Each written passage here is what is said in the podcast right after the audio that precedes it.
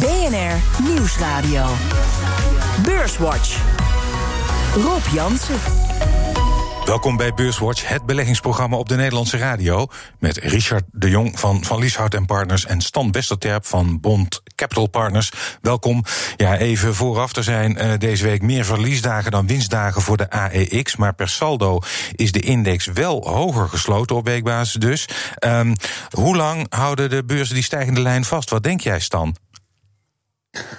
Nou ja, dat is natuurlijk de grote vraag op en dat zal moeilijk te zeggen zijn. We hebben sinds het dieptepunt op 18 maart een stijging van meer dan 30 procent gezien als je van dat dieptepunt uitgaat. Um, en dat is inderdaad een enorm herstel. En de klap was, was natuurlijk ook groot. Alleen niemand had op dat moment kunnen bevroeden dat we binnen no time weer eigenlijk binnen anderhalve maand op deze niveaus zouden staan. Dan moet je wel zeggen dat er een groot verschil zit tussen de verschillende sectoren. Um, maar nog steeds, ja, ik denk niet dat mensen verwachten dat we voor het einde van het jaar ook weer de recordniveaus gaan aantikken. en dat we ergens echt wel een keer een pas op de plaats zullen gaan maken. Dus voorlopig dat het wel, wel even gedaan is met de stijgingen. Denk jij dat ook, Richard, dat het voorlopig wel even gedaan is met de stijgingen? Ja, dat zullen we uiteraard moeten afwachten. Uh, kijk, wat van belang is, uh, de grote techbedrijven hebben het hartstikke goed gedaan, zowel qua winst als omzet als op de beurs. Uh, nu zie je eigenlijk de afgelopen week, anderhalve week, dat de achterblijvers, ondernemingen die, die geraakt zijn door de coronacrisis, dat die worden opgepikt door beleggers. Als dat nog even door blijft gaan en er geen tweede golf aankomt, wat natuurlijk speculeren van mijn kant is, want dat weten we niet. Hm. Ja, dan kan het positieve sentiment best nog even aanblijven. Het was de week waarin de platenmaatschappij achter onder andere Ed Sheeran en Dua Lipa besloot om naar de beurs te gaan. Warner Music is back in the groove. The world's third largest recording label said Tuesday it's reviving its IPO with plans to go public June 3rd under the ticker WMG. It's setting a price target of $23 to 26 a share, valuing the company as high as 13.3 billion dollars. En het was de week waarin Twitter onder vuur kwam te liggen van Trump na een disclaimer onder diens tweet. Mark Zuckerberg, CEO van Facebook, is het niet met Twitter eens. We've been pretty clear on on what I think the right approach is, which is uh, that I don't think that uh, Facebook or or internet platforms in general should be arbiters of truth. I think that's a kind of a dangerous line to get down to in terms of um, deciding what is what what is true and what isn't. En het was de week waarin weer miljoenen Amerikanen een uitkering aanvroegen. 2,123,000 for initial claims, so 2.123 million. Last week stands unrevised at 2.438 million. Ja, laten we maar even aftrappen met die uh, Amerikaanse economie. In het eerste kwartaal kromp die met 5% Inmiddels hebben uh, met die laatste 2 miljoen die we net hoorden... 41 miljoen mensen een uitkering aangevraagd. De consumptie is in april met 13% gedaald... en de spaarquote gestegen naar 33% uh, Nu zijn dit data van afgelopen maand... en de lockdown wordt langzaamaan versoepeld. Stan, ben jij hoopvol over een snel herstel in de VS? Nou, wat je in eerste instantie natuurlijk ziet, Rob, is dat die arbeidsmarkt waar veel van afhangt, die is natuurlijk veel flexibeler in, in Amerika dan dat we dat bijvoorbeeld in Nederland kennen. Het risico op arbeid is niet zo groot, want je kan in een hele korte termijn van je personeel af. En dat zie je dus ook, dus ook massaal gebeuren in Amerika. Hm. En meer dan 40 miljoen initial jobless claims, dat is gigantisch. Dat, dat hebben we in de hele historie nog nooit gezien. Uh, maar als die lockdowns inderdaad uh, ja, gaan, versoepeld gaan worden en je ziet dat langzaam maar zeker het land weer op gang komt, dan kunnen die mensen ook allemaal vrij snel weer aangenomen worden. Ik zeg niet dat we meteen weer op een, een, een laagtepunt in de werkloosheidscijfers gaan. Dat, dat is echt wishful thinking. Uh, maar ze kunnen ook wel weer met de miljoenen tegelijk aangenomen worden. Dus het is een beetje moeilijk om daar op te sturen op dit moment. Wat denk ik belangrijker is, is inderdaad om te gaan zien hoe de, de, de daadwerkelijke economische cijfers en, en, en de vertrouwenscijfers en zo eruit gaan zien. Uh, maar dat de arbeidsmarkt enorm volatiel is op dit moment, uh, ja, dat is wel te verklaren nogmaals vanuit het uh, geringe risico dat er is op arbeid in, in Amerika. Ja, um, Richard, wat denk jij als je kijkt naar he, nu inderdaad, achteruitkijkend, he, inderdaad die, die dramatische cijfers, maar he, de lockdown wordt versoepeld. Denk jij ook dat het wel snel kan aanpikken in de VS? Ja, dat denk ik wel. Waarbij natuurlijk de, de, de allergrootste onbekend is, dat zijn de consumentenbestedingen in, uh, in Amerika. Mm. Als de consument weer gaat besteden, dan komt de werkgelegenheid, dat komt er vanzelf achteraan. dat moeten we natuurlijk afwachten hoe dat zich gaat ontwikkelen. Het is een nieuwe situatie. Wat je dan als belegger probeert is te kijken naar uh, waar kunnen we iets van leren, waar is het al open gegaan en hoe gedraagt de, de consument zich. Hmm. Uh, en Amerika nogmaals, ja, 60, 70 procent van de economie en dus de banen draait om die consument. Nou, als we hier uh, dicht bij huis kijken in Nederland, uh, de Efteling gaat weer open. En boem, volgens mij binnen een paar uur was het uitverkocht. Hm. datzelfde geldt voor Disney Shanghai. Dat zijn natuurlijk maar kleine voorbeeldjes, wat mij het idee geeft dat de consument echt wel wilt. en datzelfde geldt ook in Amerika. als je naar sommige data van creditcards al, al, al kijkt. Um, dus ik ben daar best hoopvol op. Waarbij ja. het, uh, nogmaals, ik ben het ook eens met Stan, uh, oude niveaus, dat ga je voorlopig echt nog niet zien. Maar vanaf deze lage niveaus, ultralage niveaus, weer een herstel, daar geloof ik wel in. Ja. Uh, Stan, als je kijkt naar, naar dat herstel, die lockdown die wordt langzaam versoepeld. En dat zal voor een aantal ondernemers te langzaam zijn. Dus er gaan natuurlijk ook faillissementen komen, aanzienlijke faillissementen. Ja. Um, en dan kan um, dat, zeg maar, die werkloosheid voor die groep mensen natuurlijk een wat structurele karakter krijgen. Ja, dan, dan krijg je weer wat meer blijvend permanent karakter inderdaad. En vandaar dat ik uh, ook van mening ben dat, die, dat we van die ongekend grote stimuleringspakketten hebben gezien. Ook dat is historisch nog nooit uh, vertoond. Ja. Uh, in Amerika hebben ze uh, meteen al, ik geloof, 2000 miljard op tafel gelegd om, om de ergste initiële pijn te verzachten. En er, er gaat echt nog meer aankomen, zowel vanuit overheden, lokale overheden, als vanuit de Federal Reserve. Um, om ervoor te zorgen dat inderdaad de, die domino-steentjes niet, niet om gaan vallen en, en deze crisis langer gaat duren dan dat absoluut nodig is. Hm. Um, alleen uiteindelijk, ja, wat Richard zegt, klopt natuurlijk ook wel. De consumenten moeten het gaan dragen. Dus het vertrouwen moet terugkeren. En dat gaat altijd veel langzamer dan dat het verdwijnt. Mm. Uh, dus het zal wel wat, uh, wat tijd nodig hebben. En in de tussentijd is er alles aangelegen, nogmaals, vandaar die grote stimuleringspakketten. Uh, om ervoor te zorgen dat ja, het hart van de economie wel kan door blijven draaien. En we niet structurele schade op lange termijn aan het aanrichten zijn. En, en ja, laten we dan ook tegelijkertijd maar hopen dat niet die tweede golf in alle heftigheid in de herfst gaat komen. En dat we dan weer met lockdowns te maken krijgen. Alhoewel ik, de angst daarvoor bij mij iets minder groot is dan, dan, dan bij andere beleggers en analisten, moet ik eerlijk zeggen. Ja, ik zie, ik zie Richard hier wat dat betreft ook uh, instemmend uh, knikken. Um, uh, kijken we even naar Europa, want ook hier probeert men alles uit de kast te halen om de boel draaiende te houden. De EU heeft een herstelplan van 750 miljard deze week gepresenteerd. Een combinatie van leningen en giften. Nederland, Zweden, Oostenrijk en Denemarken willen dat het geld alleen in de vorm van leningen wordt verstrekt. Richard, die strenge houding van Nederland in, de, in de steunverlening in Europa, vind je die terecht? Nou, het is op zijn minst is het begrijpelijk. Uh, kijk, als ik uh, twee vrienden heb die uh, beide hun baan kwijt zijn geraakt. En één heeft zijn hele leven lang kaart gewerkt. Een potje opzij gelegd voor zijn pensioen. niet te veel grote uitgaven gedaan. En de andere, ja, die hobbelt een beetje lekker veel vrij. Klust af en toe een beetje zwart bij. Ja, dan ben ik ook in tijden van nood geneigd eerder die vriend die hard werkt te helpen. Maar waar mijn grote bezwaar eigenlijk zit, dat is niet zozeer die, die omvang. Want als er een land echt uh, door de coronacrisis in nood komt, dan moet je die gewoon helpen. Ja. Uh, dus die gedachte snap ik wel. Uh, maar dat de Europese Commissie een, een, een belasting gaat heffen die uiteindelijk het bedrijfsleven in 2027 en verder moet gaan terugbetalen. Ja, daar heb ik echt hele grote bezwaren tegen. Uh, uh, um, waarbij mijn ervaring is, als je politici één vinger geeft, ja, wie zegt ons dat er niet straks nog meer verschillende belastingen aan zitten komen? Dat is ja. mijn grootste principiële punt. Uh, en niet zozeer de hoogte van het bedrag, of het nou een gift of een lening is. Want misschien is dat uiteindelijk in de praktijk exact hetzelfde. Uh, en krijg je dat geld toch niet terug. En zijn het die grote bedrijven die straks uh, via hoog. Wat denk jij, is dan? Gaan we dat geld, moeten we dat geld lenen of toch maar schenken aan de zwaar getroffen landen? Ja, de facto is het inderdaad in principe hetzelfde. Uh, kijk, als je We gaan gaat, toch niet terugzien. Lenen, nee, dan is de vraag wanneer ga je het terugkijken hè, krijgen. Dat denk ik meteen weer aan Griekenland. Hè, ja. Waarin toen uh, het toenmalig minister van Financiën zei... we krijgen het allemaal terug. Hm. Alleen de grote vraag is wanneer. En als we het maar ver genoeg voor ons uitschuiven...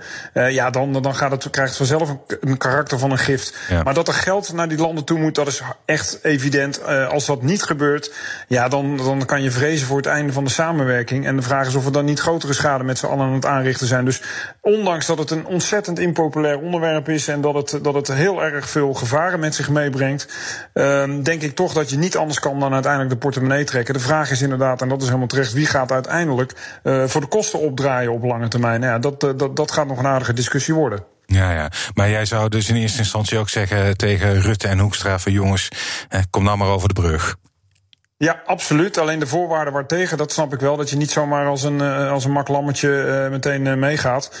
of naar de slagbank laat leiden. Alleen er zal gewoon, ja, dus, er zal liquiditeit, meer liquiditeit in het systeem geïnjecteerd moeten worden. Om uiteindelijk ervoor te zorgen dat die, die financiële schade die daar wordt opgelopen. niet als een boemerang bijvoorbeeld naar Nederland terugkomt. Ja, en we moeten bereid zijn om, om, om die welvaart voor een stukje over te hevelen naar de zuidelijke landen. En dat zijn we eigenlijk al jaren aan het doen, natuurlijk binnen de Europese Unie. Mm. Het komt nu alleen nog meer onder een vergrootglas te liggen. Uh, maar nogmaals, als je samen wil optrekken, dan zal je af en toe dit soort offers moeten brengen. En of je het nou een gift of een lening noemt, nogmaals, de facto is dat wat mij betreft hetzelfde. Ja, um, gaan we naar de beurzen. Uh, want die, uh, ja, we hebben gezien half maart een flinke correctie. Um, maar de, het is inmiddels al behoorlijk weer bijgetrokken. Um, bijna alsof de beleggers het actuele economische nieuws negeren. Richard, die beleggers die kijken er blijkbaar heel anders naar dan uh, de mensen in de straat. Ja. Um, hebben beleggers gelijk of zijn ze, uh, iets, lopen ze te ver voor de muziek uit? Nou, ze, dat is eigenlijk de kern waar het op dit moment om, om draait bij beleggen. Uh, een, een, paar dingen vooraf. Kijk, de beurs is niet de economie. Als we bijvoorbeeld kijken naar de S&P 500 in Amerika, de grote bekende beurs. De, dat is ongeveer 5% van de economie. Dus als het met die beurs heel goed zou gaan, en in dit geval gaat het, wil niet zeggen dat het met de economie heel goed gaat. Dat is echt wel even een, een, een voorwaarde wat we met z'n allen moeten realiseren. Uh, maar ten tweede, de meeste beurzen staan dit jaar, zijn weliswaar hersteld vanaf het laagste niveau, maar staan allemaal nog steeds dik in de min. Uh, ik heb wat opgeschreven voor mezelf. De Dow Jones min 10, de kleinere small caps in Amerika min 16, hier in Europa min 15, min 16, min 17. Emerging markets, zelfde getallen. Dus ondanks het herstel van de afgelopen weken staan de beurzen dik in de min. En we moeten ons echt goed realiseren. Uh, er zijn ook bedrijven uh, die hiervan profiteren van het coronavirus. En dat zijn met name de grote techbedrijven. Microsoft, Amazon. Die hebben recentelijk resultaten laten zien uh, die nog nooit zo goed waren. Hmm. Gigantische groeivoeten. En die grote techbedrijven, en als we in Nederland kijken, laten we ASML dan even als voorbeeld nemen.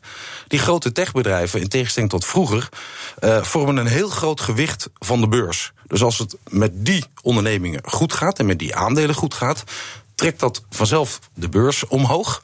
Uh, want de rest van de sectoren, uh, ik heb het voor mezelf eens opgeschreven. Nou, of je nou bij autobedrijven, die staan gemiddeld op min 30, min 40. Luchtvaartmaatschappijen min 60. Uitzenders min 20, min 30 procent. Mm. Dus met die aandelen gaat het nog steeds niet goed. Uh, en we moeten, en Stan refereerde er al aan, uh, de stimuleringsmaatregelen van de Fed, met name. Uh, uh, die heeft de rente enorm hard verlaagd. En dat legt een enorme bodem onder de markt. Uh, ik heb het laatst eens opgeteld, geprobeerd. Ik ben de tel kwijtgeraakt. 15.000 miljard wordt er wereldwijd ja. nu in de markten gepompt. Stan, in hoeverre ben jij het eens met deze analyse van, van Richard? Ja, eigenlijk met alle punten. Ja, met alle punten. Nou, laat ik dan, laat nou, ik dan nog, ja, kijk, worden reclame. La, la, laat ja. ik uh, advocaat van de duivel uh, uh, zijn dan. Um, de koers-winstverhouding loopt wel op. Um, ja. ja. de winsten gaan natuurlijk wel, zeker de komende, komende kwartaal, misschien het kwartaal daarna ook nog wel flink naar beneden. Dan zou je zeggen, vet of niet, ECB of niet, dat moet toch een keer ook gaan terug te zien zijn in lagere koersen. Ja, of ja, lagere winsten. Kijk, koers-winstverhouding is natuurlijk ook voor een stuk in de achteruitkijkspiegel kijken. En het is een momentopname. En wat heel belangrijk is, dat moet je niet vergeten, Rob. Voor mij, wat mij betreft is een aandeel niets meer dan uh, ja, de, de, de, de contante waarde uh, van de toekomstige cashflows. De huidige waarde. Uh, en die toekomstige cashflows die bestaan uit meerdere jaren. En één keer een, een misser is op wat dat betreft niet zo erg. En daar komt bij, als je inderdaad kijkt naar wat je kan verwachten voor een langere periode op bedrijfsobligaties, op staatsobligaties, op cash. Het is allemaal nul of negatief. Dus er zit een enorme uh, ja, drukkend effect inderdaad na, daar naar die aandelenmarkten toe. En als je op langere termijn kijkt en je gaat ervan uit dat corona ook een keer eh, de wereld weer gaat verlaten en we weer in een soort van normalisatie terechtkomen, ja, dan zou het nog maar zo kunnen zijn dat je op een langere termijn echt op, op, op, ja, op hele mooie niveaus zit nu om goede rendementen te gaan maken in de aandelenmarkten. Dus wat dat betreft begrijp ik het wel. Alleen het is wel erg hard gegaan. En dat is, uh, dat is iets waarvan ik denk, ja, we, hebben nog, uh, we zijn er nog niet. We, we, moeten even ook een beetje pas op de plaats maken op een gegeven moment. Ja, ja dus zeg maar het Tina-argument, there is no alternative, dat, dat blijft eigenlijk nog steeds staan, zeg jij. Absoluut, en, dat zal, en dat, daar gaan de Amerikanen nu ook aan. In Japan zijn ze dat al meer dan 25 jaar gewend. In Europa wij ook sinds een paar jaar. En nu gaan de Amerikanen daar ook aan moeten wennen. En ik, ik heb, ben niet van, van mening, of ik heb niet de illusie... Uh, dat in Amerika de rente heel snel weer op zal gaan lopen. Sterker nog, die zal ook voor een langere termijn uh, onder druk blijven liggen. Dus ja, wen er inderdaad maar aan. En dat zal toch weer een, een, een asset inflating effect gaan hebben. U luistert naar Beurswatch met eh, Richard de Jong van, van Lieshout Partners en Stan Westerterp van Bond Capital Partners. Voor we verder gaan maken we even de balans op van afgelopen week. De AEX die sloot op 532,6 punten. Dat is 1,6% hoger dan vorige week. Stijgers. Op 1, de grootste stijger is Unibuy, Rodamco, Westfield met een plus van 15,5% Op 2, ING met een plus van 11% En op 3, uh, uh, ABN AMRO met een plus van 10,6 procent. Uh, het midcap aandeel dat het best presteerde deze week was Basic Fit met een plus van 26,2 procent. Dalers. Op 1 Prozus, de grootste daler op weekbasis met een min van 4,5 procent. Op 2 Shell met een min van 3,4 procent. En op 3 Just Eat Takeaway met een min van 1,4 procent. En het midcap aandeel dat deze week het hardst daalde was Bezi met een min van 1,4 procent. En de AX is deze week drie van de vijf handelsdagen lager gesloten. Um, uh, een van de grootste dalers, misschien wel de grootste daler in de AX op jaarbasis, is Unibail Rodamco Westfield. Um, maar is de laatste tijd wel aan een flinke opmars uh, bezig, uh, Richard. Euro Commercial Properties in de midcap ook. Um, wat denk je, is nu een goede tijd om in vastgoed te stappen? Of ben je dan eigenlijk al te laat? Of moet je het sowieso niet doen? Wat, wat is jouw mening? Nou, dat ligt er een beetje aan wat voor belegger je bent en wat voor horizon je hebt. Ben jij meer het speculatievere type en wil jij ritjes maken op de beurs voor de kortere winst gaan, dan zou je best een gokje kunnen wagen. en gokje echt dik gedrukt kunnen wagen in dat soort vastgoedaandelen. Ehm, want ze zijn met van de, zeg even, van de 100% gedaald naar de 40% En dan stijgt het nu van de 40% naar de 50. Ja. Had je op die 40 gekocht naar de 50, ja, dan maak je dus 25% rendement in een hele korte tijd geweldig. Maar ben jij meer een langetermijn belegger en wil je dat je vermogen gestaag door de tijd meer waard wordt, uh, dan zou ik echt van de meeste vastgoedaandelen uh, afblijven. Uh, want er zijn gewoon een aantal langetermijntrends waardoor ik heel negatief ben over vastgoed. Mm. Eén is natuurlijk de, de winkels. mensen gaan online nu kopen. Zelfs heel veel oudere mensen die dat niet deden. Nu door het corona zijn, waren ze gedwongen om de boodschappen te doen online. Maar ook gewoon de normale uh, kleding uh, online kopen. Dat zal denk ik blijven gebeuren. Zeker de mensen die in een risicovollere doelgroep zitten. Ehm, maar met het thuiswerken, als ik zo omheen kijk, heel veel mensen vinden het ook heel fijn om één of twee dagen, ook als het straks weer mag, om gewoon thuis te werken. Nou, dat betekent, als je dat op wereldschaal bekijkt, enorm grote negatieve gevolgen voor de kantorenmarkt. dus de langetermijn trends voor kantoren en winkels, ja, ik ben er niet positief over. Het enige waar je wat mij betreft wel naar zou kunnen kijken als, uh, als langetermijn belegger, dat zijn woningen. En heb je een paar hele mooie Duitse vastgoedfondsen, Venovia bijvoorbeeld, hm. wat belegt in appartementen en woningen. Daar is niks mis mee.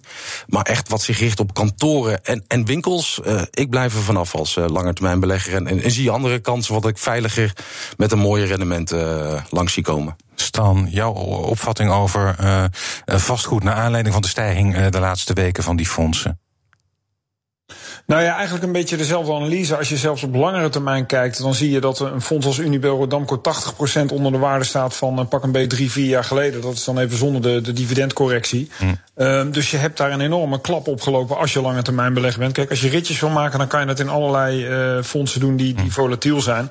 Maar op de langere termijn uh, is dit een heel lastig beeld wat we zien. dat wordt net door Richard bevestigd en goed omschreven, denk ik. Daar komt nog bij dat er vaak forse schulden tegenover staan. Dus dat je ook nog eens in de problemen kan komen als je te veel hooi op je vork hebt genomen. Um, en wat, we, wat ook nog eens een feit is, is dat we gewoon niet zo goed weten hoe die inkomstenstroom bij die vastgoedfondsen eruit gaan zien. Uh, want als je bijvoorbeeld kijkt naar Unibail, een grootste gedeelte, een derde eh, van de business zit in Frankrijk, grote winkelcentra's daar. Um, en daar hebben heel veel huurders gewoon uitstel van betaling gekregen. Ja. Um, maar we weten niet of die huurders daadwerkelijk of van uitstel geen afstel gaat komen. Dus de echte schade kunnen we pas over een, een paar weken, een paar maanden gaan zien. Als die lockdowns inderdaad zijn, uh, zijn, uh, ja, zijn versoepeld of helemaal weg zijn. Ja. En dan kan je echt gaan zien wat, wat, wat de inkomstenderving is op, op langere termijn. Ja, en ik denk dat de aandeelhouders daar al duidelijk een voorschot op hebben genomen. door de koers, de marktwaarde 60% lager te zetten. Dat die er weinig fiducie in hebben in ieder geval voor de komende periode. Helder. Uh, vandaag is een, uh, ook wel een historisch dag. Of historisch dag. Er is in ieder geval een groot fonds naar Euronext gekomen. Naar de Amsterdamse beurs.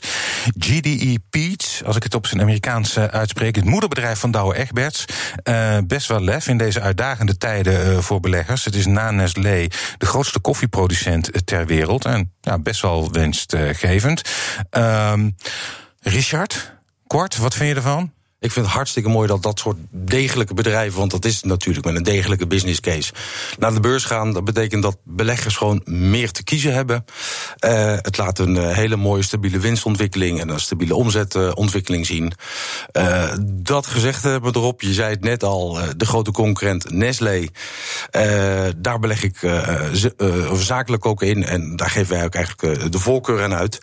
Want ik vind de schulden eigenlijk te hoog. Uh, ze gebruiken wel een deel van dit geld wat ze nu ophalen om de schulden af te lossen. Uh, maar een Nestlé vind ik interessanter, maar voor de beurs een welkome aanvulling. Oké. Stan, uh, GDE Peach, wat vind jij van het aandeel?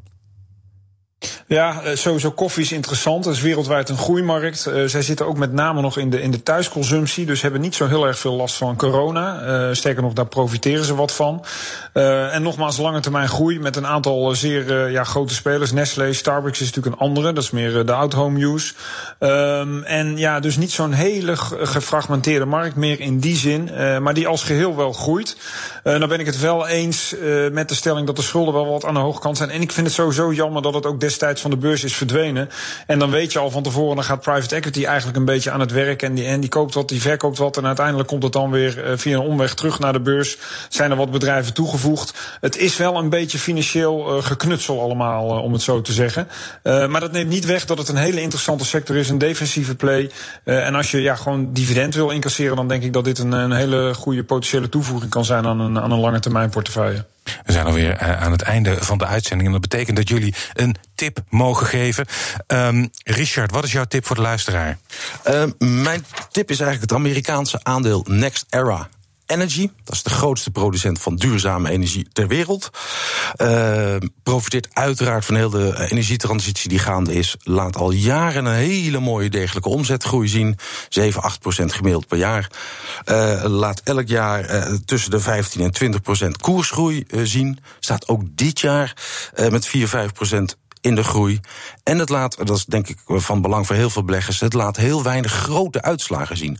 Dus het daalt niet zo hard, eh, maar per saldo eh, heel veel kleine stijgingjes zoals dit aandeel eh, laat zien, levert op lange termijn een hele mooie koersgroei op. en heel positief aandeel met een duurzaam karakter. Stan, jouw tip voor de luisteraar? Ja, ik wil het toch wat meer uh, lokaal houden, Rob. En we hebben het helaas niet meer over gehad, maar dat is uh, cm.com. Ja. Um, uh, natuurlijk veel in het nieuws geweest. in eerste instantie naar de beurs gegaan begin dit jaar via een soort van ja, reverse takeover, zeg maar. Um, en onlangs ook een, een, overname gedaan, gepaard met een, met een kleine emissie. maar dit is een bedrijf dat met name groot is in, ja, communicatie. Dus dat faciliteert voor, voor, voor bedrijven, voor hun klanten. Een communicatieplatform via allerlei verschillende mediakanalen. SMS, WhatsApp. Facebook Messenger, noem het allemaal maar op. En dat groeit ook echt serieus hard, 20, 30 procent per jaar. En dat, dat gaat de komende jaren waarschijnlijk zo doorzetten. als je kijkt naar de Amerikaanse evenknieën, ja, daar wordt een veelvoud voor betaald op de Amerikaanse beurzen. Wordt echt als high-tech gezien. en als we ook maar een beetje van die waardering krijgen overwaaien naar Nederland toe, ja, dan voorzie ik nog een, een mooie koers, ja, koersontwikkelingen. zouden er in het verschiet kunnen liggen voor, voor dit aandeel. dus voor de lange termijn zeker iets om naar te kijken. Let er wel op dat de verhandelbaarheid wat beperkt is. Dus je moet wel, je moet wel even goed opletten op het moment. je moet niet best orders in gaan leggen, laten we het zo zeggen. Hartelijk dank, Stan Westerterp van Bond Capital Partners en Richard de Jong van Van Lieshout Partners. Dit was Beurswatch. Als u wilt reageren, dan kunt u een mail sturen naar beurswatch.bnr.nl of tweeten naar Rob Terugluisteren kan via de site en via de app. En graag tot volgende week.